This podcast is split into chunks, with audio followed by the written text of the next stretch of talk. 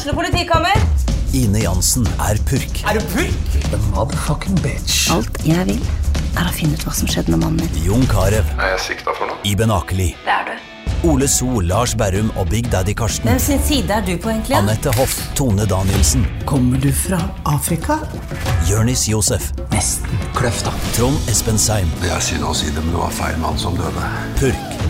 Premiere tirsdag på TV2 Play.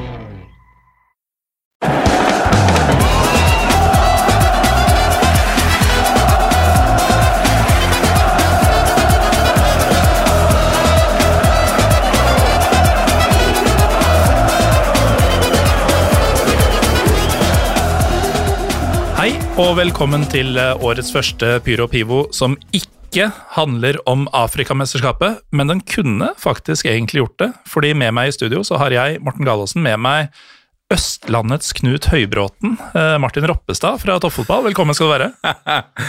det, den merkelappen er jeg for det første eh, jeg, jeg, jeg kommer aldri til å fylle den merkelappen der. Er Helt umulig. Men litt agentvirksomhet på si, det forekommer. Ja, men det er jo Knut Høybråten er på en måte Det er jo mange fotballagenter som fins, men han er jo Han er et fotballagenten. Han, ja, det vil, jeg, det vil jeg si, altså. Mm. Eh, Et unikum. Uh, Men eh, det, det kunne handle om Afrikamesterskapet, fordi vi måtte spille inn i dag i stedet for i morgen. Fordi, eller delvis fordi i morgen så spiller Gambia kamp, og den, den ville bli trumfa studiooppmøtet her. Ja, den ville nok det, altså. Det er første året med uh, hvor Gambia er kvalifisert. Og de er jo litt sånn underdog eh, i det hele og startet veldig bra, med seier i første mot Mauritania. Uavgjort nå sist. Er vel da videre med uavgjort. Uh, uh, uansett. Og det vil være altså enormt for den lille nasjonen. Er 1, vi snakker 1,5-1,6 millioner innbyggere. Ja, og det er jo lite um, også ifølge oss nordmenn. Ja. Men etter afrikanske standarder, og vestafrikanske standarder kanskje spesielt, så er det jo helt altså Det er så knøttlite at du kan nesten ikke se det engang på sånn luksuskart. Nei. Det er, eh, det er et veldig lite land. Så jeg har Mm. vært der eh, eh, Jeg har vært der selv. Jeg har familie som er derfra. Og, og, og, min eh, og dama også, og datteren min selvfølgelig, som er halvt gambisk. Så det er en eh, Det er deilig å ha et eh, Hva skal vi si, en nasjon i husholdningen som er med i et mesterskap. Det er jo helt nydelig, det. Ja, for det er jo ikke alle forunt her i potetlandet. Og du er jo, for eventuelle nye lyttere, da, så har jo du vært programleder for podkasten Toppfotball i flere år nå. Begynner vel å bli en fem-seks, kanskje. Siden så- 2016. Ja, ikke sant. Mm. Akkurat som Pyro Pivo. Ja, riktig. Eh, Vi brøt ut fra fotballuka samtidig. Ja. ja, for du var jo både tekniker og um, Vikar, tror jeg vi kan kalle det. vikarierende paneldeltaker. Uh, Blant annet for meg, sikkert. Uh, de- ja, men så fant vi begge ut at vi hadde andre ting å drive med. Og vi, vi var lei av å spille annenfiolin for Jim Fosheim. Kanskje det er det det gikk på. Ja, selvsagt. Ja. Og nei, er vi her tilbake i hans hule. Mm. Altså, nei, men Det handlet noe om at vi følte, at, vi følte vel begge at livet handlet om mer enn topp fem-ligaene. Ja. Eh, det er vel det som, Mm. som vi også eh, jeg, husker, jeg husker en gang du ytret din frustrasjon over at ja, man kan ikke hvordan, hvordan skal jeg få Jim til å forstå at det går an å touche innom Kan man ikke ha en spalte, da, en obskur spalte? Bare, Nei, det var ikke snakk om. Det er topp fem. Nei. Ja, den eh, Altså Hvis jeg skulle få snike inn noe som hadde skjedd i uh, Sveite Bundesliga eller Portugal eller Tyrkia eller Bahrain, eh, uten at jeg noensinne har fått med meg noe derfra sjøl, så måtte det jo være i en bisetning hvor jeg egentlig skulle snakke om noe annet, noe Ja. som var godkjent. Eh, og da, da måtte man lage pyro pivo, da. Litt sånn som du følte når du ikke fikk snike inn ting om Ørn Kristiania, Ørn Horten, eh, Trondheimsørn osv. Ja, det er Um, riktig. Alle ørnelagene. Nå ja. er de i Post Nord-ligaen, vet du, eh, Gallosen. Ja, og det er det jeg kaller andredivisjon, ikke sant? Det er andredivisjon. Mm. Det er Foretrekker relativt høyt. Det er ganske decent. Mm. Eh, det, Da er det Ørn Horten vi snakker om, ikke Ørn Horten, ja. Ørn Kristiania. Men Christian er dessverre eh, gått heden. Vi hadde jo en diskusjon her på, på, på Twitter hvor du etterlyste hvordan starter man fotballklubb Ja, for tida. det var nedslående tilbakemeldinger, egentlig. Ja, for jeg, jeg, Vi la jo ned klubben, fordi det kommer jo ikke folk på trening lenger. Og Mm. det kommer ikke folk på kamp lenger, så da er det ikke nødvendig å ha en klubb. Eh, men så fant jeg en kollega fra Horten som hadde en kameratgjeng på 12-13-14 stykker. Og de ville restarte hele klubben. Oi. Som var jo, Jeg så for meg min eh, store drøm. Dra opp på Ekeberg der, se på kamper med mitt kjære Ørn Christiania. Og, og da ringte vi kretsen med de gode nyhetene, og de eh, bare fei, slo beina under hele drømmen og sa at eh, nei, vi foretrekker nok at dere starter et lag i en eksisterende klubb. Mm. Så for eksempel Sagene, der har de ledig plass på syvende laget. Sånn, ja, det, det klinger like godt det, med å spille for et syvende lag som å spille for et A-lag. Ja, også bare det at eh, du da spiller for Sagene 7, og ikke for et lag som du identifiserer deg med, Yes. som er ditt. Ja. Eh, og det er jo litt av nøkkelen her, altså bare for å fullføre det jeg starta med, at eh, som programleder for Toppfotball, som er en podkast om norsk fotball, uh, ikke bare toppfotball, selv om dere mener at all norsk fotball er toppfotball, er så er det mye Jørgen Kjernås freestyler om fjerdedivisjon og sånn der. Det er korrekt. Men du er jo antagelig mer interessert enn meg i det norske landslaget også.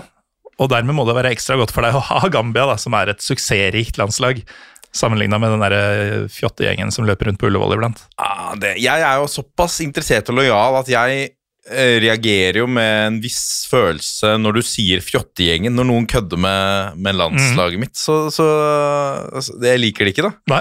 Det er, det er en slags sånn impuls med en gang om at eh, Hør, da. Det er, eh, det er landslaget. Mm. Uh, nei, jeg, jeg er jo eh, alltid Jeg tror vi kan vinne hver eneste kamp. Uh, Fram til jeg har spilt sånn 85., på en måte. Ja. Samme hvordan Uavhengig av hva stillinga er i 85. Omtrent. Jeg begynner å se for meg scenarioer for hvilken snuoperasjon det ville vært om vi slo England nå 4-3 når det leder 3-0. Nederland borte da det gikk opp i hvor mye det ble mot slutten her. Var det, var det håp eh, siste tid? Nei, det, var, det har vært uh... Samtidig som Tyrkia vant. det, det, det var tunge Det var tunge øyeblikk. Det var det, altså. Men da slipper du å ta stilling til eh, deltakelse i Qatar-VM, og det er jo litt deilig. Sånn hvis vi skal være helt ærlige. Slippe det styret. Det er jo mye enklere å være mot nå. uh, skal ikke Skal ikke stikke det under en stol. Samtidig så Jeg håper liksom at jeg hadde hatt karakter nok til å stå opp uh, Stå opp for den saken samtidig, altså. Mm.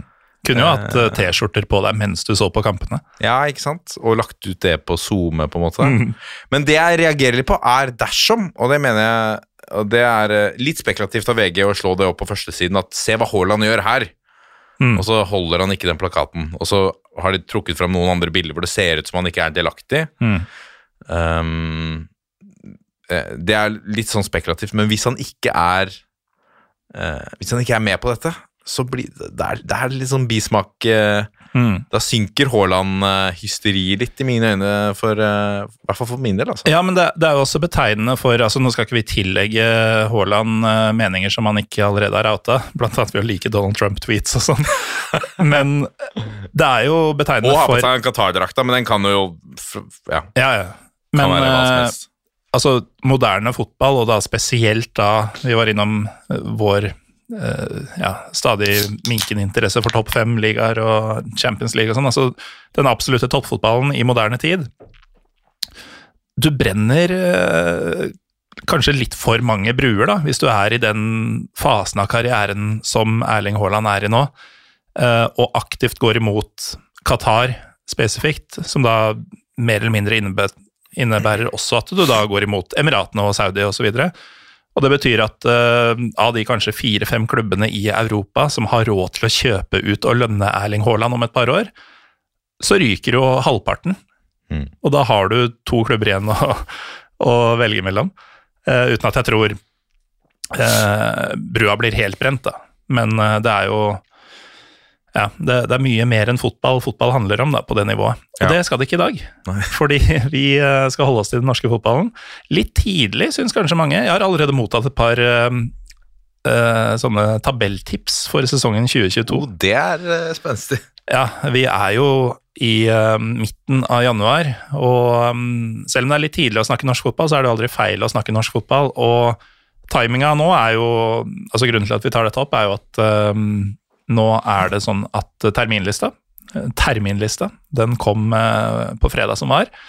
Eh, Denne uka så har jo de fleste, om ikke alle, eh, eliteserielagene i hvert fall, begynt å trene igjen. Og da er det rett og slett på sin plass å begynne å glede seg litt og begynne å hype litt. Eh, Hva er det du og mm, ja, eventuelt resten av toppfotballredaksjonen, men du spesielt, da. eh, Hvor i løypa er du, med tanke på at serien er et par måneder unna? Jeg vi, vi, jo en, vi har jo selvfølgelig en, en pause nå. Det går liksom i ett med episoder fra mars til desember. Altså det blir bare lengre og lengre. Sesongen blir bare lengre og lengre. Men, eh, men eh, følger, vi følger jo med, og vi har jo en sånn chat, så vi diskuterer jo ting fram og tilbake på, på ting som skjer, og merkelige ting. og Mm. det er jo um, Det er mange ting. Det er selvfølgelig uh, Følger veldig spent med på Rosenborg. Hva, hva skjer der nå? Altså eh, Han eh, Han har jo fått med seg nå Akkurat nå så har de jo um, har de jo et setup som ser veldig interessant ut med Rekdal og Frigård, som sies å kunne utfylle hverandre veldig godt. Ja, men når du sier interessant eh, det funker på Hamar. Ja. Uh, har den duoen tyngden? Altså Jeg veit at Rekdal vant med et eller annet lag som ikke trenger å nevnes ved navn for eh, 15-16 år siden, men han tok jo ikke over et topplag.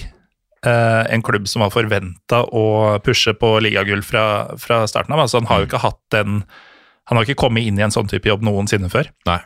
Eh, Geir Frigård er jo Ja, han har tydeligvis funka sammen med Rekdal på Hamar, men jeg aner ikke hva han står for. eh, eller hva slags type han er, hvor mye plass han tar, hvor mye han står opp mot Rekdal eventuelt, da, hvis det skal være nødvendig.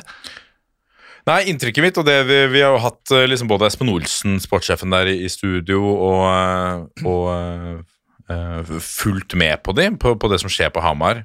Um, og inntrykket er jo at de er jo en perfect match, Frigård og, Frigård og Rekdal. Hvor Rekdal er litt mer den managertypen som er litt mer tilbakelent. Han er ikke så mye ute på feltet. uh, men han er jo avhengig av en forståelse av at det er sånn han er. Mm. Så hvis han kommer til et sted hvor det er, hvor det er forventet han skal stå ute og drille pasningsøvelser, det får du ikke med Kjetil Rekdal. Du får en som sitter på tribunen, en som kanskje ikke er på hver trening, men som er opptatt av å eh, altså kartlegge motstander, gjøre disse tingene, komme inn og, og kjøre siste peptalken, pausepraten. Kjent for å være en av de beste på eh, taktikk under kampen eh, og, og avgjørelser og trekk da. Og så tror jeg liksom Geir Frigård er eh, veldig god på å håndtere Kjetil Rekdal. Jeg tror eh, Kjetil Rekdal har veldig respekt for Geir Frigård og hva han mener og syns. Eh, så jeg tror det at Kjetil Rekdal har noen som fungerer godt sammen, er en, en viktig bit. Og så er han jo vi vet, Han er jo kompromissløs. Altså eh, Og har jo hatt hele karrieren sin i store deler av karrieren i, i Tyskland. Mm. Uh, flaska opp der, og um, uh, har vel også et uttalt mål om at går dette veldig bra nå i tre år, de tar et seriegull på disse tre årene, så er veien litt kortere ned til hans åpenbare drøm om Hertha Berlin. Mm. Så jeg, jeg, jeg tror at han, han, hans tyngde, da, ikke og den han er, og han har nok vært også ganske tydelig på Han har vært den største kritikeren til Rosenborg, ikke den største, men en av de store kritikerne til Rosenborg i mange år, som han selv sier. Han har sikkert sett på utsiden hva han føler er galt, og så er han keen på å gå inn i klubben og se om det stemmer. Ja. Og har sikkert satt ganske klare krav om at hvis jeg skal ta denne jobben her, da skal dette og dette og dette og dette på plass. Um, Dette er første, du er den første jeg har prata med som lener over på, når man sier det er interessant, Mm. det som skjer i Trondheim, at det, det låter eh, mer positivt enn negativt. Eh, Store deler av Fotball-Norge har jo ledd av dette her. Ja, men det er, blir jo litt sånn Da ser du nok ikke Da har man kanskje liksom ikke fått med seg ehm, Litt sånne mekanismer som har skjedd i HamKam. Litt hvordan ting har foregått. Ehm, og, jeg, og jeg tror at det må være riktig setup for Kjetil Rekdal. Og det handler like mye om at klubben må være profesjonell nok. Altså, Det funka ikke i start. Men i, i start så hadde han vel med seg Morten Tamberg også en, en lang periode, og så forsvant han, og så var han plutselig litt mer alene. Eh, og da funker det ikke. Altså, Det er bare å være ærlig på det. Det har jo han sikkert vært den første til å si også. Så jeg, hvem, altså Du kan jo stille spørsmålet hvem andre, da. Jeg er jo for det første veldig glad for at Kjetil Knutsen ble i Glimt, og det er vel sikkert alle, hvis han ikke skulle utenlands, at han ikke dro til Rosenborg. For at nå får vi kanskje den altså Nå får vi jo første syretesten i første seriekamp, Ja. som er helt fantastisk. Altså, Ja, den blir, den blir freidig. Den altså, blir den kommer freidig, ikke til å nå helt opp til HamKam LSK fra dagen før. Eh, nå ble det vel også, for øvrig, uten at det skal deraile fullstendig, nå virker det som om HamKam faktisk får beholde den gamle tribunen eh, til fram til sommeren, eller eh, til og med ut på høsten en gang. Ja, det er bra, da. Så den kampen er verdt å holde øynene på for de som liker eh, tribuneliv. Ja. For der har man noe høns å gjøre opp. Um, men men Der får man jo se litt Altså, eh, Da Bodø-Glimt Er det to år siden? Tre år siden?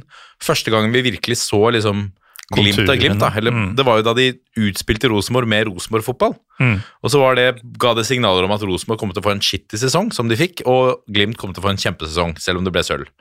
Uh, og det så vi jo der. Og kanskje denne kampen er litt av det samme, bare motsatt. Mm. Fordi nå er Glimt litt sånn Hva skal vi si? nå er Glimt Rosenborg. Ja, på en måte. Så rollene er litt snudd, Mm. og, og det er første match, og det er, ikke, og det er Glimt, så man forventer kanskje at ok, uavgjort er bra resultat. Så det er en uh, Jeg tipper Kjetil Rekdal elsker at det er Glimt i første runde, rett og slett. Mm. Fordi får det et dårlig resultat, så kan de skylde på det. Og at vi er ikke der vi skal være ennå, vi skal snart være der, og bla, bla, bla. Får de et godt resultat, så er det bensin på bålet. Mm. Alt å vinne. videre. Um, en annen kamp som eh, skiller seg ut eh, litt i første runde, er jo um, Jeg husker ikke om det er Molde-Vålinga eller Vålinga-Molde, uh, men de to skal i hvert fall møtes i første runde. Mm. Der er det jo også grunn til å følge litt med, for uh, det er jo Man veit vel sånn cirka hvor man har Molde hvert år, men uh, altså hvor Hva kommer Vålinga til å være? Det kan vi jo selvfølgelig ikke svare ordentlig på nå i januar. Uh, antagelig ikke i april heller, eller i juni. Men uh, hva førsteinntrykket blir, blir jo spennende å se. Ja. Jeg er veldig spent. Det, det er jo veldig mye nå som ikke er satt, selvfølgelig. Men eh, Men det er vel sikkert flere, hvis, hvis folk har stussa over Rekdal til Rosenborg, så har vel Vålerenga-fans også, og Brann-fans, stussa over Petter Strand til Vålerenga. For fire millioner eller noe Ja, sånt. det Altså, var ganske mye penger også. det er omtrent det Lillestrøm fikk inn for salget av Thomas Lene Olsen til, uh, Saudi, nei, til um, Emiratene. Ja, så man må liksom bare på en måte gå ut fra at ok, Dag Erik Fagmo har en plan, på en måte, og at det, er ingen, det er ingen andre i Norge som kan passe bedre enn Petter Strand i den planen. da. Det må jo være det. Ja, det jeg, jeg ser du har veldig sånn håpefullt blikk akkurat nå. Jeg vet ikke Ja, om du kjøper det kjøper det stusser helt. litt på på en måte Vegard Eggen Hedenstad også inn. Mm. Syns jeg også er, det er interessant. Eh, Men virker det som litt sånn enkle løsninger? Jeg syns det bærer Altså, Petter Strand er ikke noen enkel løsning. Petter Strand er et veldig dyrt wildcard, altså, opplever jeg, da. Altså, de, men jeg, jeg tror de kan få han til å funke. Men er han god nok for, to, eh, f- er han god nok for et uh, toppjagende, medaljejagende Vålerenga? Ja, altså, Usikker. Du- du som- Stallspiller, kanskje. Du som kjenner de andre laga enn eh, Lillestrøm, og sikkert også Lillestrøm for så vidt bedre enn meg, er, tror jeg ikke. er Petter Strand henta for å starte for Vålerenga? Ah, usikker, ass. Hvem, hvem skal det sette ut, da? Nå er det jo sagt at, uh, at Odin Thiago Holm skal få masse tillit. Han skal spille sentralt i år. Og der kom det visst et tilbud fra Italia som bare ble blankt avfeid eh, denne uka, på Ja. ganske bra med penger òg, 15 pluss 5 eller noe sånt. Ja, og det er nok eh, langt under hva de har ambisjoner om å få for han. Da. Hva fikk de for Aron Mm. Dønnema? 2025?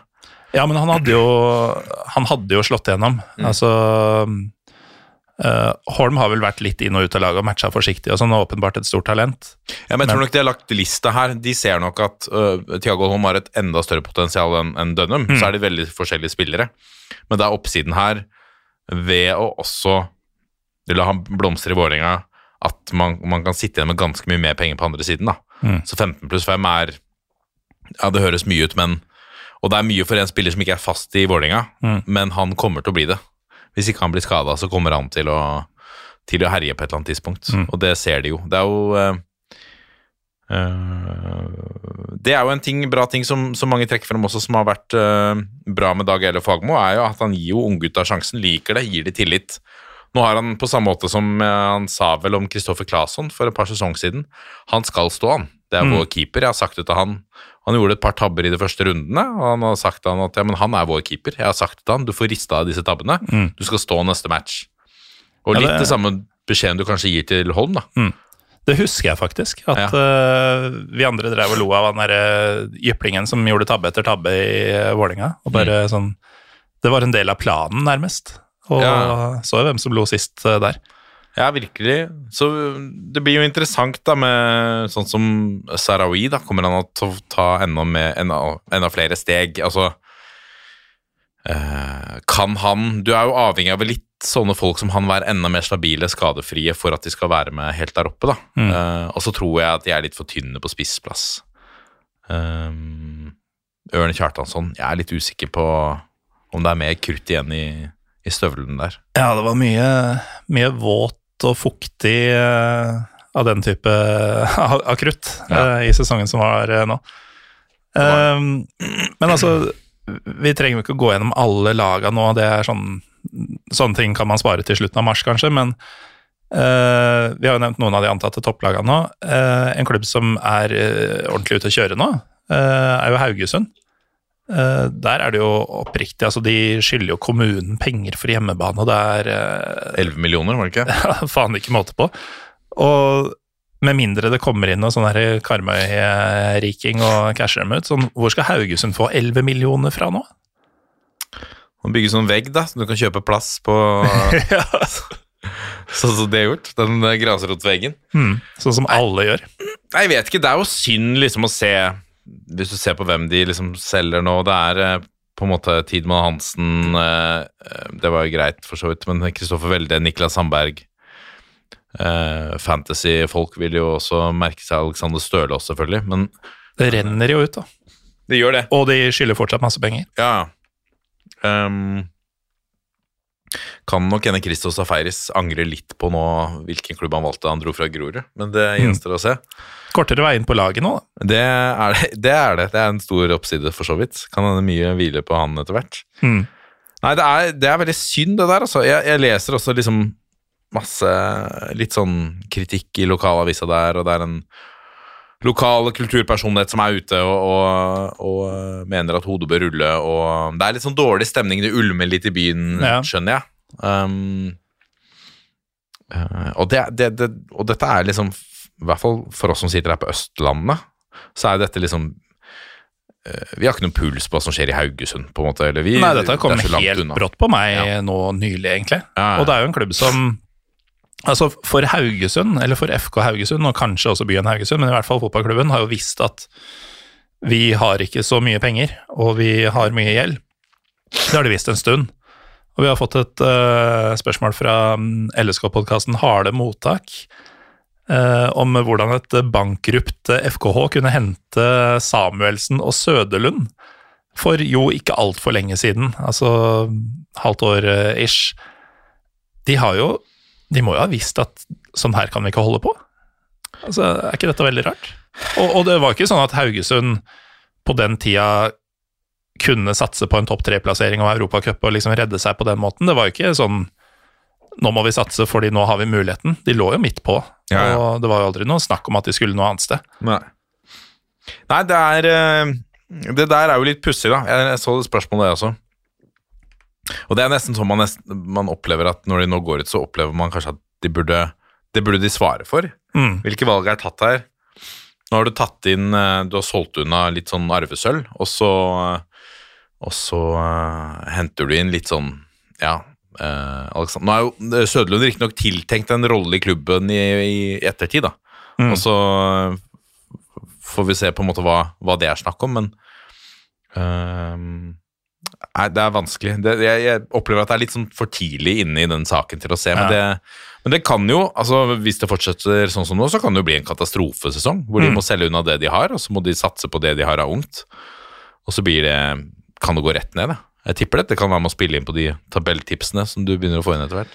Ja, jeg har jo fått inn to allerede, som sagt. Jeg Tipper at eh, begge de to som har sendt inn disse, mm, har um, angra allerede eh, denne uka. med tanke på ja, både at Haugesund tilsynelatende går til grunne, Ja. og, og andre ting som skjer. Um, episoden skal jo egentlig, Martin, handle om um, hvorfor man skal glede seg til seriestart og sånn, men det er jo ikke alt som er like hyggelig, og nå som vi snakka litt om uh, Haugesunds trøbbel, så har det jo skjedd uh, noe som virkelig har slått inn over uh, Fotball-Norge i dag. Uh, Nils Arne Eggen uh, gikk bort.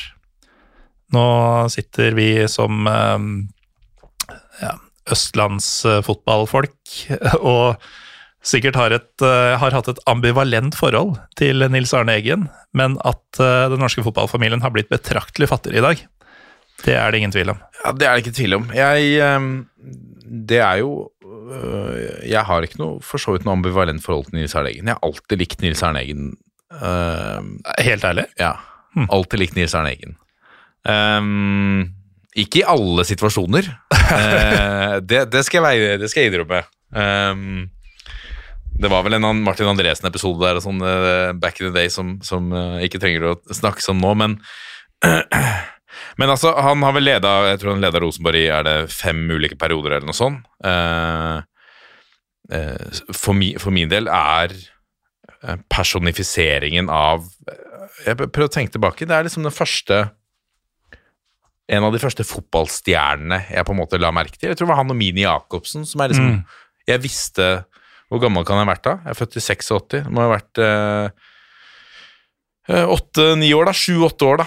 Ja. Det var de jeg liksom fikk med. Det var Nils Arne Eggen og så var det Mini Jacobsen. For Mini Jacobsen tok salto da han scora. Mm. Og, og Nils Arne Eggen han som sto på sidelinja og røyka og kjefta. Ja.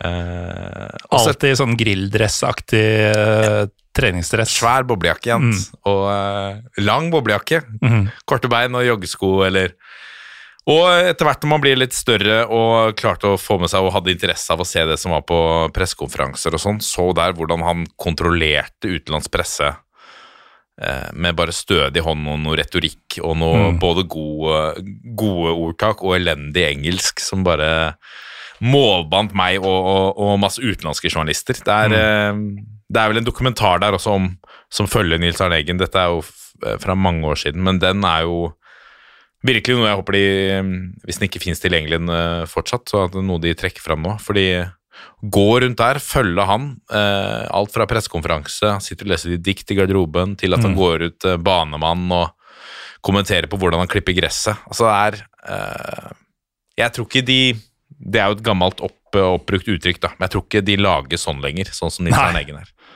Nei, altså han øh, Jeg var jo i, øh, i Kiev, begynner å bli ganske mange år siden, men da var det jo et Dynamo-museum, hvor Valeri Valerij Lobanovskij var via en ganske stor del. Og altså nå skal ikke jeg sitte her og fortelle folk som vil høre om norsk fotball om Valerij Lobanovskij, men hvis du er interessert, så google navnet og sjekk litt hva han dreier med, og hva slags type han var og sånn. Eh, Nils Arne Eggen er litt sånn Norges uh, Lobanowski. Og, og det er utelukkende ment positivt, uh, faktisk. Selv om uh, vi på Åråsen hadde våre feider med Eggen, og at Nils Arne Eggen var på en måte symbolet på den blokka mellom suksess og trofeer og alle andre norske klubber i over et tiår, så eh, er det jo Altså, det sies jo at uh, hat er et tegn på respekt. Og um, ser jo til og med Kanarifansen var ute og kondolerte i dag. Altså Det er ingen tvil om at um, alle som har stått og ytra de verste ukvemsorda rett til Nils Arne Eggen noen meter unna, Ja. um, også respekterte både typen han er, og ikke minst hva han uh, oppnådde. Ja. Um, jeg er ikke sånn kjempegod eller erfaren med, å, med nekrologer og sånne ting, men uh, vi kom kanskje sånn noenlunde fra det med æren i behold. det handler ikke om å si hvem, hvem, hvem de var for oss, da, og hva vi, hva vi syns de har betydd. Mm. Eh, han er vel eh, den i norsk fotball eh, som har Han har vel betydd mest for Eliteserien. Eh, ja, det, det- er vel kanskje å Det blir litt øye som ser, men det er iallfall Eliteseriens beste trener noensinne. Må Ja, det være. Uten fnugg av By far. Um, så er det, noe, det er jo han og, eh, han og Drillo som er der oppe, av eh, norske trenere gjennom Mm. historien. Som for øvrig var dønn uenige gjennom glanstida til både Rosenborg og landslaget Ja. uh, i åssen fotball skulle spilles. Ja. Det er jo litt gøy, det også. Veldig. Um, nei, det er, det er mye som Jeg måtte sette meg ned og gå gjennom mye gamle pressekonferanser og sånn på YouTube og klipp og Mm. Det er eh, Ja, Nils Arne Engen har vært mye for eh, norsk fotball. Det ligger vel et, også et ganske ferskt intervju av Svea eh, i VG som ble gjort rett før jul, tror jeg. Mm. Uh, han var jo skarp og engasjert i Rosenborg til det siste. Fulgte med og hadde sterke meninger om det. Ja, og tilbake til det du sa om at det er spennende det som skjer med, på trenersida, da. Så er det jo nesten rimelig å tilskrive Eggen litt av um, Jeg vet ikke om æren er riktig ordet, men um, det at det ble uh, At det ikke ble han Hammarby-treneren. Der var jo Eggen inne og sa at uh, det her går jo faen ikke an. Og så, og så ble jo løsninga til slutt Kjetil Rekdal, da. Så hvis det faktisk blir en suksess, Ja. så har han jo faktisk uh, hatt et siste Siste, siste drypp inn mot Rosenborgs gjen, gjenoppstandelse. Ja, sant. Uh, men det gjenstår jo å se. Det gjør det. Uh, på en litt mer positiv side så virker det som om miljøet rundt Brann de har klart å ta sin dommedag, nedrykket, med um, ja, på best tenkelig vis. For nå, nå koker det godt rundt de, har, de har en aksjon, uh, par2kort.no. Uh, har du fått med deg hva, hva, hva dette innebærer, uh, Martin? Jeg måtte spørre deg før vi gikk inn her. Jeg har fått med meg par to-kort av disse tingene, og at eh, det bobler i, i Bergen. da. At eh, det er noe som skjer der. For det er umulig å være på Twitter uten at uh, timelinen blir spamma ned av videoer og intervjuer og klipp osv. med prominente bergens- og omegnsfolk Ja. som maser om hvor viktig det er at man kjøper dette såkalte partout-kortet. Ja. Eh, Et par partout-kort er for øvrig bergensk og fransk, eh, for, eh, eller sånn hybrid bergensk og fransk eh, blir det jo, for kort er jo ikke et fransk ord. Eh, For sesongkort, det, det vi eh, dannede, siviliserte herrer kaller et sesongkort, det heter da partout-kort i, i Bergen. Eh, ordentlig, ordentlig trøkk på, på salget der. De har vel solgt like mange på eh, supportertribunen nå som de gjorde foran forrige sesong. Ja. Um, og så kan man jo si at forrige sesongsalg sikkert var litt bremsa av at folk ikke visste om det var verdt å kjøpe fordi man ikke visste om man kunne gå på kamp og sånn. Det er jo litt sant i år også, selv om jeg tror vi ligger vesentlig bedre an eh, på den fronten enn vi gjorde i 2021. Mm. Um, uansett imponerende hvor mye trøkk det er, eh, er rundt det. Ikke fullt så imponerende navnevalg, syns jeg. Fordi um, altså eh, Hvor god er du i fransk, Ropstad? Jeg hadde, jeg hadde fransk, jeg, i, eh, i tre måneder. Da ble jeg bedt av læreren om å bytte til praktisk prosjektarbeid. Jeg fikk, eh, jeg fikk fullføre alle tre åra på videregående. Men uh, siden da så har jeg bytta ut uh, det lille franske jeg kunne med tyrkisk, som jeg eh, heller ikke kan. Så man kan jo Altså, jeg, jeg har gjort mine feil, jeg også. Men uh, akkurat uh, partout, det betyr jo uh, Altså, det kan bety overalt, uh, og det kan bety for alt, eh, litt avhengig av eh, hvor god du er til å google. Eh, men uansett så høres det ut som det på en måte tar sesongkortet et steg lenger, da. Fordi de aller fleste sesongkort eh, jeg veit om, i hvert fall, de gjelder seriekamper. Og så kjøper man enkeltbilletter til om det, om Man får forkjøpsrett, da, men at man kjøper enkeltbilletter til cupkamper, europacup osv. Så, videre. Så jeg eh, spurte rett og slett Bergen om eh, Par2-kort inkluderer alt, som det heter i navnet. Og svaret jeg fikk, var av det kryptiske slaget. For um, i Bergen så veit de visst ikke hva det betyr med hjemmekamp i cupen. Eh, for det, det hadde de visst sist for en 17 år siden, eller noe sånt. Det er jo absurd. Ja, vi vet ikke om det stemmer, men det er tydeligvis at de er veldig uheldige, skråstrek Udyktige. udyk udyktige til å få seg hjemmekamp, da. Ja. Um, Til å delta lenge nok i cupen til at uh, man blir trekket eller satt opp hjemme. det kan jo være litt av greia, da. Så du er nødt til å slå ut de små laga Mm. for, å, for å få deg en hjemmekamp. Det er sant. Uh, nei, det er uh, generelt rundt det som skjer i Bergen, det, det er jo veldig gøy, da. Det var jo liksom annus horribilis. Det er vel mest sannsynlig den, det verste året i klubbens historie noen gang. Ja, og det er altså så kort tid etter det forrige Anus Horribilis de hadde, Ja. som eh, jeg tror alle trodde de var forbi, helt Ja. til eh, det ligna sesongstart, og man innså at Brann hadde gjort alt feil det siste halvåret, året, halvannet. Nei, det er eh, Og det er jo noe som Jeg har jo spurt flere trenere om det, om liksom at kan det være sånn at noen klubb har godt av å rykke ned? Og det har alle sagt at det er bare noe piss. Mm. Bare, bare glem det der. Eh, men det er jo fristende å dra det opp igjen, da. Mm. Fordi å, å se hva som skjedde med Viking, eksempel, når de gikk ned. Men sa man ikke det om Brann forrige gang òg? De Jo. kom jo opp og tok medalje sånn omtrent umiddelbart etterpå. Ja. Så ut som en million. Ja. Eh, Eller det gjorde de ikke, for de hadde han Nilsen og spilt eh, Erlandsen-fotball. Men, men de fikk resultater. Ja, de gikk jo i hvert fall litt eh, De gikk jo ganske radig oppover tabellen. Det er jo noe med å spille inn et lag i Bergen som, som eh, blir litt vant til å vinne og kan bygge litt på suksess og få inn litt Få satt et lag som fungerer godt sammen. Da. Bygge en kultur som ikke er bygget på, på nachspiel og, og de tinga der. Men, men eh, ehm, jeg, I hvert fall i i, eh, I Stavanger da, og Viking så handlet det veldig mye om nest, Det virket som det handlet mye om å samle hele byen bak laget, fordi at folk har ikke brydd seg så mye om Viking. Det har vært litt sånn det har vært sånn middelhavsfarer, og, og det ene drar liksom fram det andre. da, Så er du nødt til å skape det trøkket og engasjementet. Uh, avisene har det jo der. De melder seg jo på, på en måte. Uh, uh, og så, eh, når, du, når du får det trøkket og engasjementet, så kommer jo også litt Pengene kommer jo litt etter hvert også. Og næringslivet hiver seg med, og da er det plutselig litt midler til å investere litt. Og så handler det om å gjøre de riktige investeringene, da. Det mm. får vi jo se på. Men, men det er jo blitt tatt mye rare valg i Bergen, og det får du svare litt for nå. Jeg er jo litt overraska over at Eirik Horneland, som aldri har hatt lyst til å være hovedtrener, har vært hovedtrener i Rosenborg og Brann. Ja. Det er også litt sånn pussig. Så- Ja, også at han nærmest ble mast til å fortsette som det, Ja. uh, når det gikk så dårlig som det gjorde. Altså, Aldri har jo en klubb uh, hatt en større mulighet til å kvitte seg med trener, prøve noe nytt uten å lide økonomisk av det. Nei. Og så valgte de det stikk motsatte. Ja. Kan være at det, at uh, det blir for mye, da. Nå gikk jo daglig leder ut, og, og styreleder ut, og flere styremedlemmer forsvant, og at du trengte en, eller annen, en, en viss kontinuitet, i hvert fall, på et eller annet nivå. Mm. Han har jo nesten framstått som en daglig leder der i, i, gjennom den stormen også.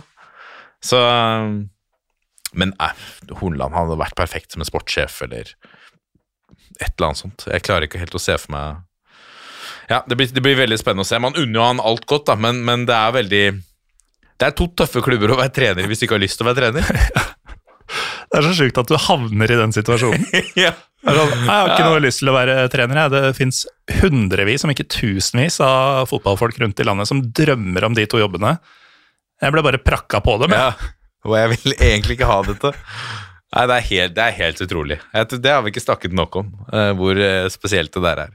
Men han er jo en eh, herregud, han er jo en fantastisk type, da, Erik Horneland. Herlig type Horneland. Eh, uherlig utvikling på dommerfronten, Roppestad. Fordi uh, Grusomt. ja, Uh, om et år så er det ikke noe grunn til å glede seg lenger. Da kommer VAR inn i norsk fotball. Så dette blir jo siste ordentlige sesongen med norsk fotball på toppnivå i overskuelig framtid. Hva, hva tenker du? Det det er jo ekstra grunn til å gå all in for 2022, da. Ja, det vil, jeg, det vil jeg si. Altså, det Det er jo ikke VAR engang, det er First Price-VAR. Ja, det VAR er jo ille nok. Ja, ja. Jeg eh, Jeg er eh, En ting som, jeg, som ingen ennå har klart å forklare for meg, er hvorfor eh, Hvorfor vi må ha det for å henge med i fotball-Europa. Mm. Eh, hva gjør oss dårligere? Eh, hvor mye bedre hadde Bodø-Glimt vært mot eh, Roma og, og, og europeisk motstand hvis vi hadde hatt VAR i norsk eliteserie? Det har jeg fortsatt ikke forstått. Det er ingen som har klart å forklare det til meg. Jeg ser liksom ulike fotballeksperter sier at ja, men, men VAR kommer, og det må vi Ja, bare vi ta inn over oss. Vi må følge med på det. Mm. Ja, men ja, hvis ikke Og så har jeg hørt noen som liksom stotrer fram at ja, hvis ikke så så får Ja, da får vi ikke noen internasjonale toppdommere. Eh, nei, er det uh, Det går greit for meg, i hvert det, fall. Uh, det går helt fint, det. Eh, jeg tipper at de klarer seg å, å, å gjøre dette med et kurs, eller altså hvis det finnes var, og du får på øret at denne situasjonen skal du sjekke. Dette er ikke rocket science. Nei, da Du klarer jo å ta imot beskjeder. Ja. Uh, Den selv, egenskapen selv forsvinner ikke, Ja. selv om du ikke har var i det daglige. Nei, og så er det jo det at uh, dette må vi ha for å henge med. Mm. Men vi må ikke gjøre alt mulig annet på samme måte som de store ligaene. Altså, Vi må ikke spille på gress, eksempel. Det er Nei. ikke så nøye. Nei. Uh, Nei, vi må ikke servere øl på tribunen heller. Nei. Nei, men det, det, det henger liksom ikke sammen. Da. Det har blitt sånn herre Det med at vi trenger det for å henge med, det har blitt sånn herre Det har blitt gjentatt så mange ganger at folk kjøper det nå. Folk, det er jo det Går du på puben og noen faktisk er for var, så er det jo det de sier. Mm. Men det er jo ikke noe kjøtt på det argumentet. Altså, det er noen ord Ja. som Vi må hente inn litt penger fra, fra Emiratene nå for å henge med med resten av ja. uh, verden. Fordi ellers så går det ikke, nemlig. Ja, det er jo heller ikke noe vi gjør i Norge.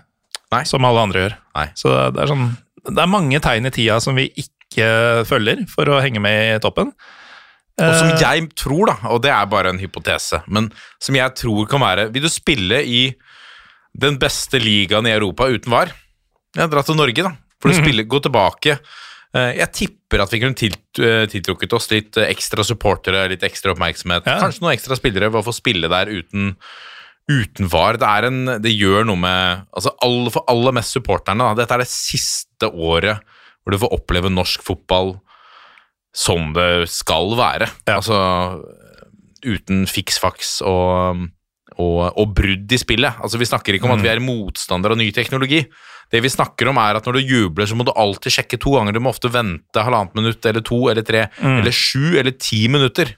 altså, Altså, vi- har jo hatt eh, Dette har vært oppe i mange Pyro Pivo-episoder, og i, i den meget eh, sigende titulerte episoden eh, Fotballkonservatisme, som kom i høst en gang, så snakka Lars Råstad, som var gjest der, kanskje Norges mest fotballkonservative mann, og unisont hylla av lytterne etterpå, eh, om øyeblikket med stor Ø.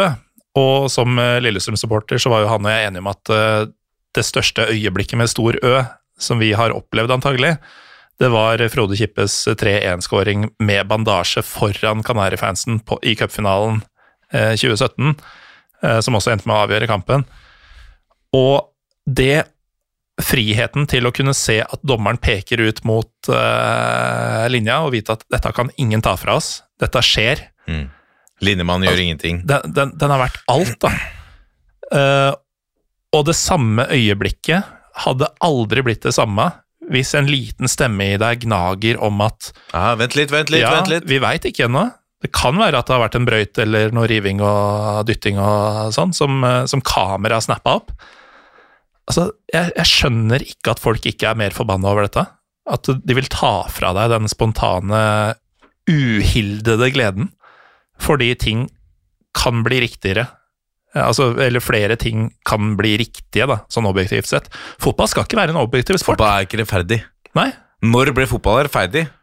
Altså, vi, altså, øh, vi har jo nevnt et par ting her, da, men, men, men milliardene fra, fra Qatar Når er fotball rettferdig? Mm. Vi bryr oss ikke. Fotballen bryr seg ikke om De store kreftene i fotballen bryr seg ikke om men, altså, Man bryr seg ikke om mennesker engang, og, og migrantarbeidere. Og, men her skal vi være sånn skinnhellige at dette må være, ja, dette må være rettferdig. Uh, Ja, og så er- ser jeg- man jo ja. nå, nå har jo VAR vært aktivt i bruk i um, Altså med mye proffere produksjon, uh, og ifølge alle dyktigere dommere og sånn, i, i de store ligaene i flere år. Og man ser jo både at man krangler like mye over dommeravgjørelser, omtrent. Uh, det er ikke alltid svart eller hvitt, det er ganske sjelden faktisk. Svart eller hvitt, til og med offsider, til og med henser. Altså det som man tenker er enten eller, er ikke enten eller. Eh, er dette kortet gult eller rødt? Eh, Kan også diskuteres. Så man flytter jo egentlig bare debatten fra dommeren på banen til eh, den der gjengen som sitter og spiser rullekebab. Husker du det klippet fra jeg tror det var VM i 2018? Eh, hvor det ble levert noe mat på døra, og det var rullekebab til uh, varebussen. Uh, uansett uh, Eller det må ha vært tysk fotball når jeg tenker på den.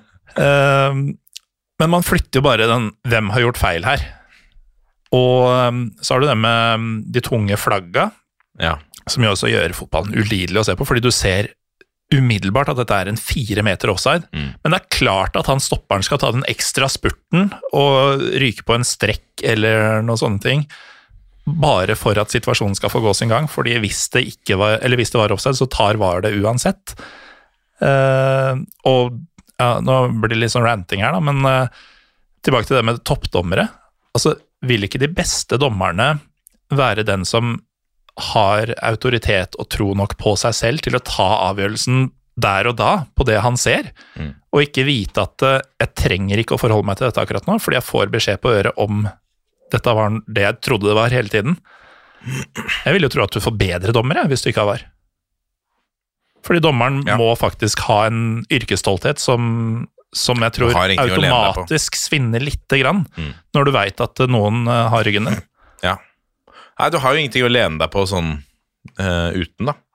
Um, Nei, Feilen er din, men også alt som blir riktig, er ditt. ja. Det er ingen som har hjulpet deg på dette. Her. Det er ikke noe teknologi som, eh, som har hviska deg i øret at uh, her uh, dumma du deg ut, men du kan rette opp i din egen feil. Mm. Um, Nei, det man egentlig har gjort, er at man har jo fjernet Altså, hva skal vi si? Fjernet gode dommerprestasjoner, da. Det er på en måte borte nå fordi det er VAR. mm, Så hvis du har gjort en god kamp som dommer, så har du på en måte Det finnes ikke lenger, på en eller annen måte. Fordi det er jo VAR som går inn og styrer det. Og Mm. hvis du og hvis de hadde tatt en riktig avgjørelse, så er det på en måte ikke like stort fordi VAR hadde plukket opp uansett. Så, så det, er, det, er, det er så mye med det som jeg syns det rokker. Og jeg er veldig overrasket over at det ikke er enda større motstand. Uh, jeg, jeg var litt der at jeg tenkte at liksom Samme for meg, bare ikke det kommer hit. mm, Uh, det er samme milliardene fra Qatar. Samme for meg. Altså På et eller annet tidspunkt du, du om de har det i VM og Champions League, og sånn, så hold på. Det er, det er Ja. en annen sport allerede. Er en Og liksom oppkjøp av klubber i milliardklassen og, og Mm. eh, sportsvasking og de tingene der. Ok, jeg skjønner at ikke liksom man kan ikke kontrollere det. Jeg kan velge å ikke se på det. Jeg, jeg begynner å bli liksom ganske fed up med Premier League. Det er ikke like spennende for meg Mm. lenger. Um, men ikke kom hit med det. Nei. Dette er vårt. Ja, hold det unna oss. Ja, og det er det litt det samme Men det var litt det samme som jeg tenkte med Superliga. Jeg tenkte bare, vet du hva, hold på. Ja. Jeg driter i Det, det. det, det gjelder ikke oss Det, uansett. måte. ikke, nei, det spiller ingen rolle, på en måte. Det rokker ved fotballens sjel, men den sjelen har dere sikkert kjøpt allerede for 100 milliarder. Ja, altså, det var vel Marge eh, Simpson som sa 'music is none of my business'. Og akkurat sånn har det blitt litt med den der absolutte toppfotballen eh, for min del. Ja.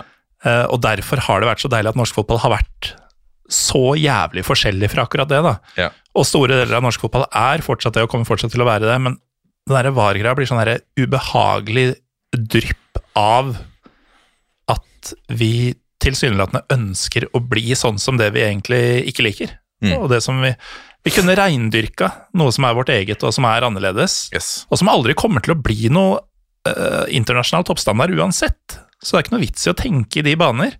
Det er bedre å reindyrke et eget produkt og si at uh, her gjør vi det sånn. Mm. Uh, kanskje gjør ingen andre det sånn. Desto større grunn til å gjøre det sånn.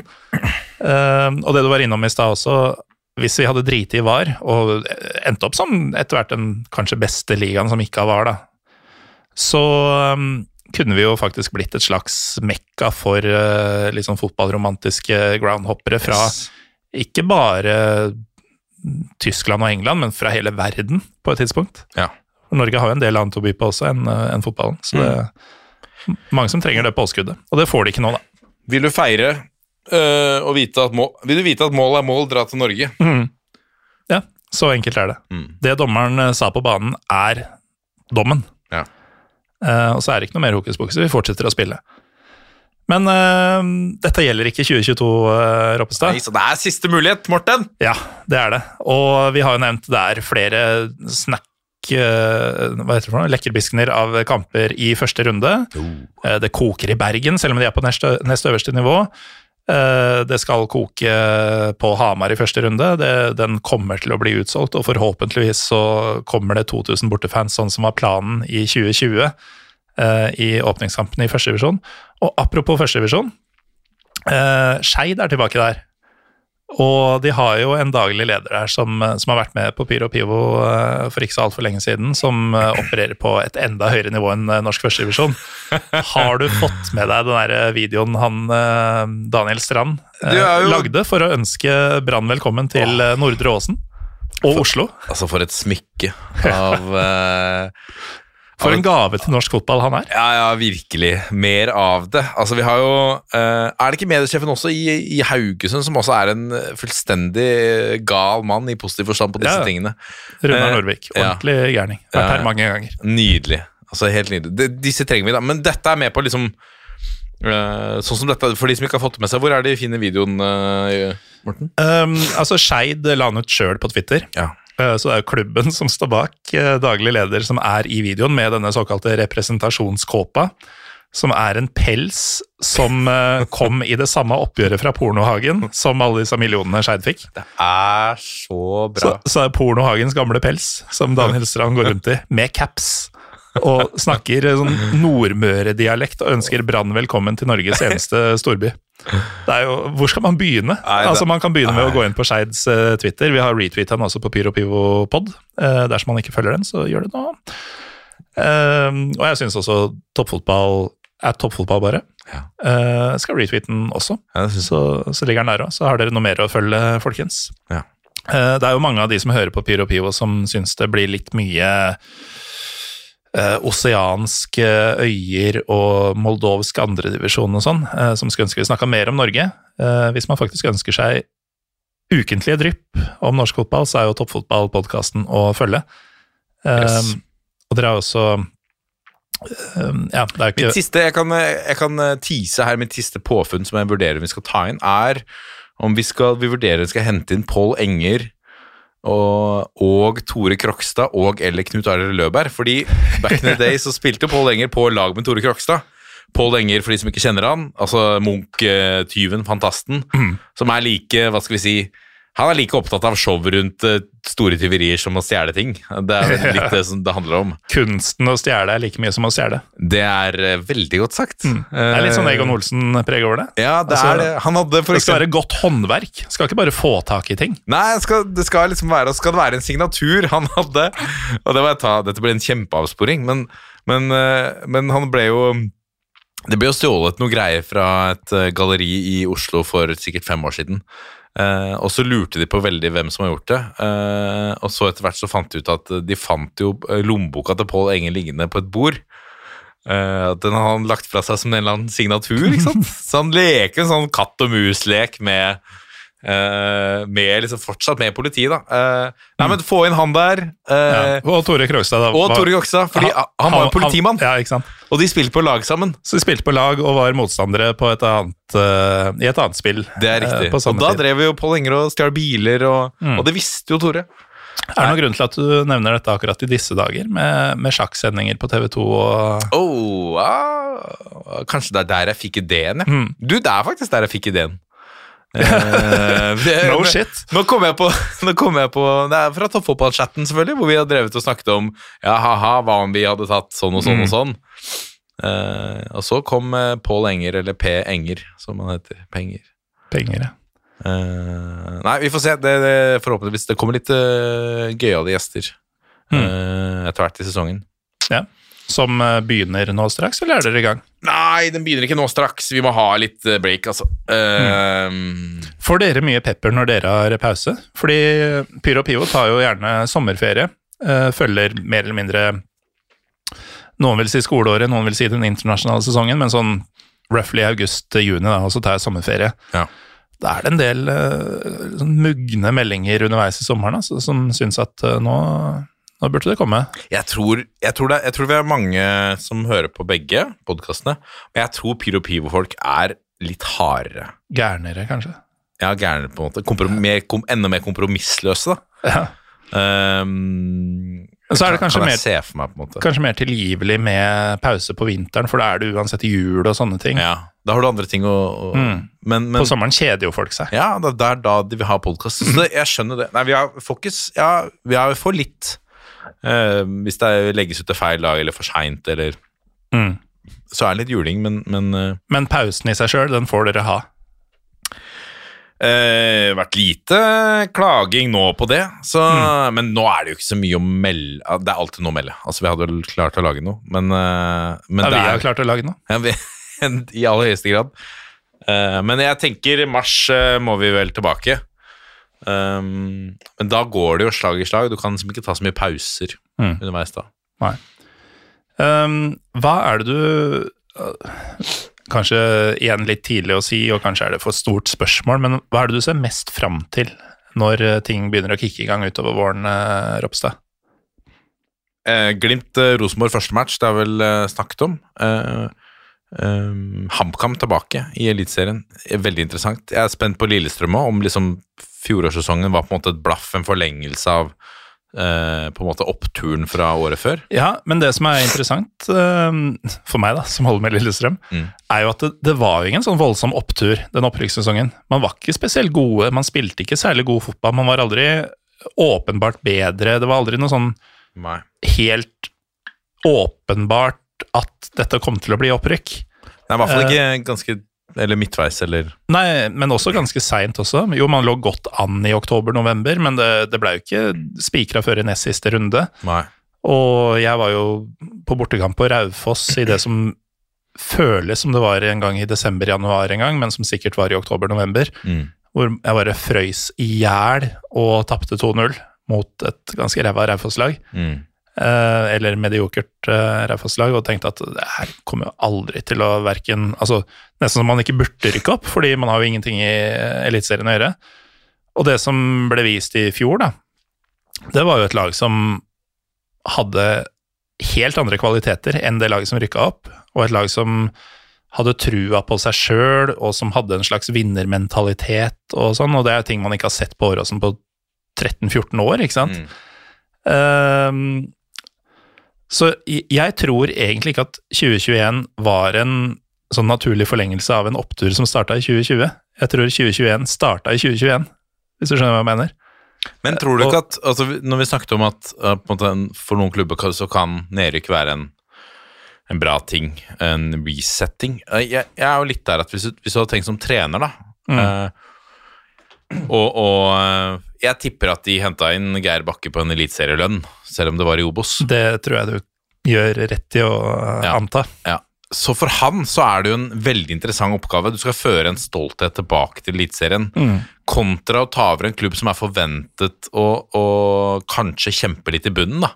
Det er liksom ikke det mest attraktive caset, men det ble plutselig, Eliteserien ble plutselig ganske et Kanskje et eh, litt interessant case da, for å, for å bygge det litt opp igjen. Ja, og, Og du får den muligheten når, når en klubb går ned, at du er nødt til å renske bort en del spillere, trenere, du er nødt til å tenke litt nytt. Uh, ja, og, og det også fikk jo Geir um, lov til, på en måte. Ja. Altså, han, han, tid, han, han stilte, stilte en del krav for å ta jobben. Uh, han ville ha jobben, men ikke for enhver pris. Så men, men for Lillestrøms selv, jo, kanskje kunne man ikke fått Geir Bakke om man ikke hadde rykka ned. Um, det, det får vi kanskje aldri svar på, med mindre vi spør Ja, Geir tror, det er litt av poenget. Jeg tror kanskje du har rett i det. altså. Mm. Men øhm, det var jo ikke sånn at det å få inn Geir Bakke i seg selv var en suksess, for det så man jo første halvdel, som du sier. Men jeg tror, Så jeg, jeg tror en del av grepa som ble gjort underveis i den sesongen, øhm, med spillelogistikk og måte å spille fotball på og sånne ting, det skapte grunnlaget for øh, et ganske bra eliteserielag i, i, i 2021. Overraskende bra, selvfølgelig. Øhm, så er spørsmålet da om man hadde fått Geir Bakke uansett. Hadde man gjort de samme grepene underveis i sesongen? Det vet man jo ikke. Fordi det er jo lettere å spille inn altså sånn som spørsmålstegnet Tobias Svendsen. Man hadde jo ikke henta han antagelig i august 2020 hvis eh, man var nummer tolv i, i Eliteserien. Så Men eh, ja, altså i sum så ser jo Lillestrøm bedre ut nå enn de har gjort på over et tiår. Um, og det er altså i anførselstegn tilfeldigvis etter et nedrykk, da. Og så kommer jeg aldri av prinsipp til å si at et nedrykk er bra for noen, men um, man, som du sa tidligere, man så jo Viking. Uh, man har sett Lillestrøm nå, så får vi se hvor det bærer. da. For Viking har jo klart å holde seg oppe Mm. uh, på et høyt nivå, og kanskje bedre enn noensinne. Eller ikke noensinne, men på veldig mange år når vi går inn i 2022. Jeg har i hvert fall dem som en uh, ty tidlig uh, medaljekandidat. Ja. Um, Vi tror jo de kan ta gull. dere i toppfotball? Mm. Ja, det kan de ikke. Men uh... Ja, de kan, altså, de kan kjempe om gullet, da. Er eh, ehm, Ja. ja. Nei, men altså, du, du har to forskjellige historier, da. Eh, du har Brann Jeg som likte gikk hvordan ned. du for, ba- bare forbigikk det. Ja, men det, det, er, jo- det er så tøvete å snakke om sånt i januar. det er sant. Men du, har Brann som gikk ned, så ut til å ha godt av et nedrykk, i anførselstegn. Ja. Eh, tok medalje første året, hvis jeg husker riktig. Og så har det jo vært mye tull siden, og nå gikk de ned igjen. Um, og så kan hende de ville gått ned nå, uansett om de ikke hadde gått ned i 2014, men det får vi aldri svar på. Men ehm, jeg, jeg tror når du, du har jo åpna en krukke, på en måte. da. Når du først har rykka ned, så er det plutselig mulig å rykke ned. Mm. Og det er jo en tanke som sikkert ikke fantes i Bergen før de gjorde det i 2014. Og så får de en sånn sesong som eh, nå. Så ja, eh, igjen Uh, mye Jeg får skravle altfor mye i dag. Vi burde egentlig hatt en gjest til som gjør at jeg ikke snakker så mye. Men det er jo, Men- men- men, men eh, det er jo en fantastisk Obos-liga, da. Brann i et lengre perspektiv Ja. uh, funka det ikke for. Nei. Viking i et uh, noe lengre perspektiv nå har det funka for. Mm. Lillestrøm er juryen ute. Jeg tror jo faktisk, og det tror ikke folk på at jeg sier, men jeg tror på en god sesong for Lillestrøm i år igjen. Mm. Ja, hva snakker vi da? Er det topp seks, eller? Spørs litt uh, Altså, hadde du spurt meg før Lene Olsen-salget, så hadde jeg sagt uh, at jeg visste to ting om årets sesong. Det er at Jerv blir nummer åtte, og at Lillestrøm, og at Lillestrøm havner foran Rosenborg. Uh, nå er jeg ikke sikker på det siste. Men fantastisk Obos-liga, sier du? Altså førstedivisjon? Det, det blir det jo fort. Det nå, nå er jo til og med Start en Røm blitt IK Start igjen. Ja, ja. Så- Å, ja, ja, er det tilbake nå? Ja, Start en drøm har jo å trekke seg ut. Ja, ja, ja. Skulle i er hvert fall. Jeg veit ikke om de faktisk gjorde det, men jeg antar det. Ja, For det skulle skje på, ved nyttår. stemmer.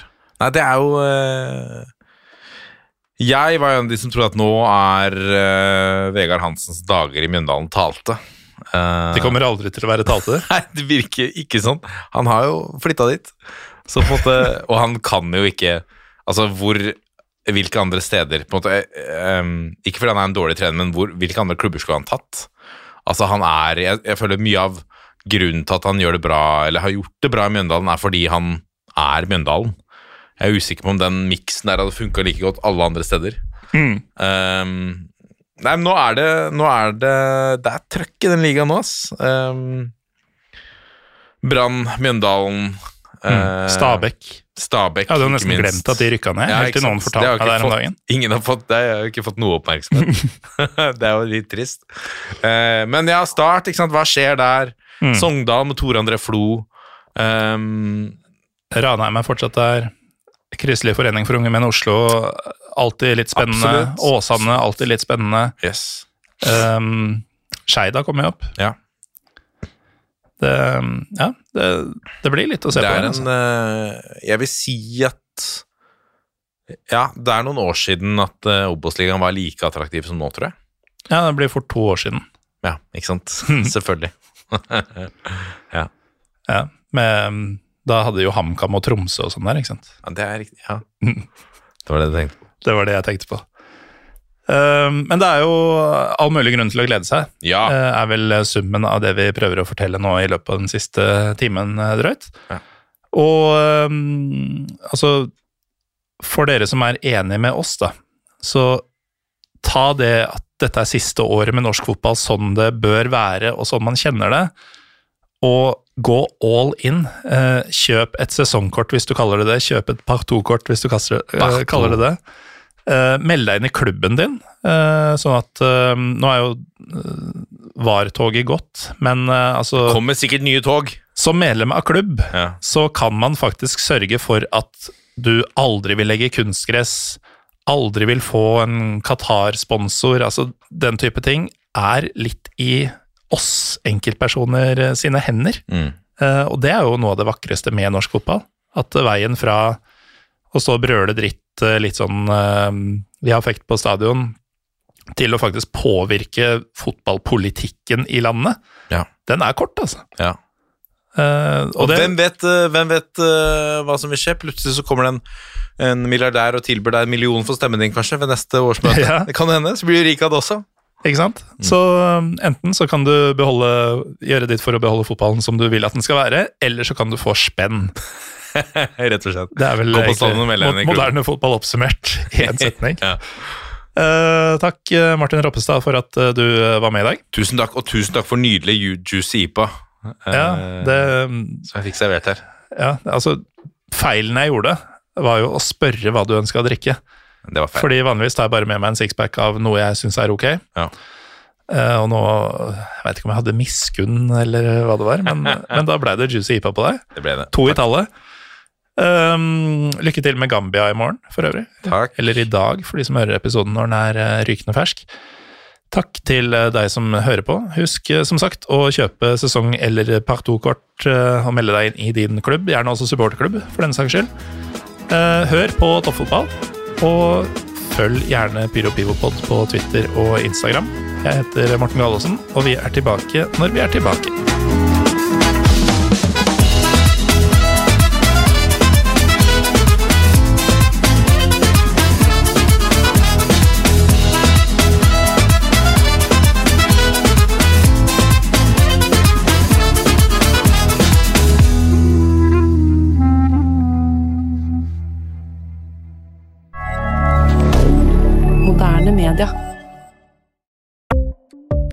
Ukens annonsør er HelloFresh. HelloFresh er verdens ledende matkasseleverandør og kan være redningen i en travel hverdag. Mange av oss har nok vandret i butikken både sultne og uten en plan for middagen, som ender med at vi går for de samme kjedelige rettene gang på gang. Middag burde være dagens høydepunkt. Som HelloFresh kan du nå velge mellom 25 ulike retter hver eneste uke, eller få HelloFresh til å sette sammen menyen for deg. Dette gir deg muligheten til å prøve nye og spennende retter alene eller sammen med familien. Du velger antall porsjoner og får alt levert på døren på et tidspunkt som passer for deg.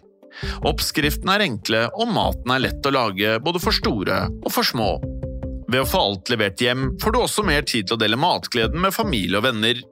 Kanskje det frister med asiatiske tacos eller greskinspirert kylling? Da kan jeg anbefale deg om å gå inn på hellofresh.no.